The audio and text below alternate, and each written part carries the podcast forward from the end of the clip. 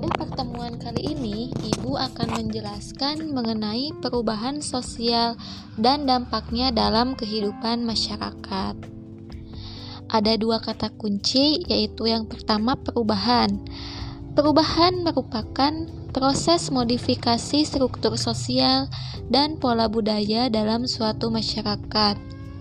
Jadi, perubahan yang terjadi di masyarakat disebut perubahan sosial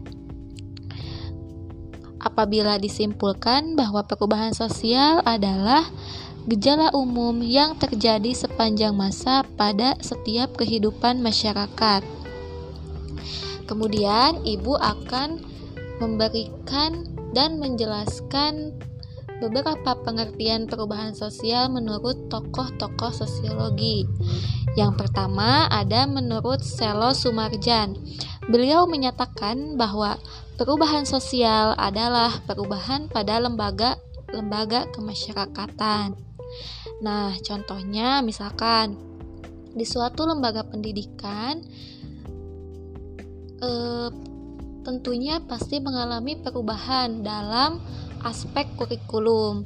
Kalau dulu kan ketika kalian SD misal atau SMP masih menggunakan KTSP atau bahkan kurikulum 2006.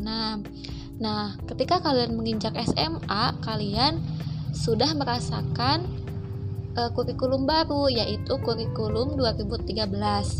Berarti sepanjang kalian menjalani pendidikan, menempuh pendidikan, kalian sudah mendapatkan atau merasakan perubahan sosial pada lembaga masyarakat atau khususnya di lembaga sekolah begitu. Kemudian yang kedua ada pengertian perubahan sosial menurut Kingsley Davis. Beliau menyatakan bahwa perubahan sosial terjadi pada struktur dan fungsi sosial. Struktur itu berkaitan dengan susunan dan fungsi sosial berkaitan dengan status dan peran. Jadi e, bisa dicontohkan bahwa Zaman dahulu, zaman dahulu posisi perempuan dan laki-laki sangatlah berbeda. Perempuan hanya bisa berada di dapur saja istilahnya atau e, hanya diam di rumah, sedangkan laki-laki bisa bekerja di mana saja. Namun pada zaman sekarang ini justru perempuan juga bisa mendapatkan kesempatan yang sama seperti laki-laki, baik itu dalam hal pekerjaan ataupun hak-hak lainnya begitu. Nah, jadi secara tidak sadar bahwa terjadi perubahan sosial pada struktur dan fungsi sosial. Begitu itu salah satu contohnya. Kemudian yang ketiga menurut Robert McIver, perubahan sosial terjadi pada hubungan sosial dan keseimbangan sosial. Nah, e, bisa kita bahasakan bahwa hubungan sosial itu contohnya adalah interaksi, di mana pada kehidupan masyarakat selalu terjadi interaksi sosial. Nah, apa hubungannya dengan keseimbangan sosial?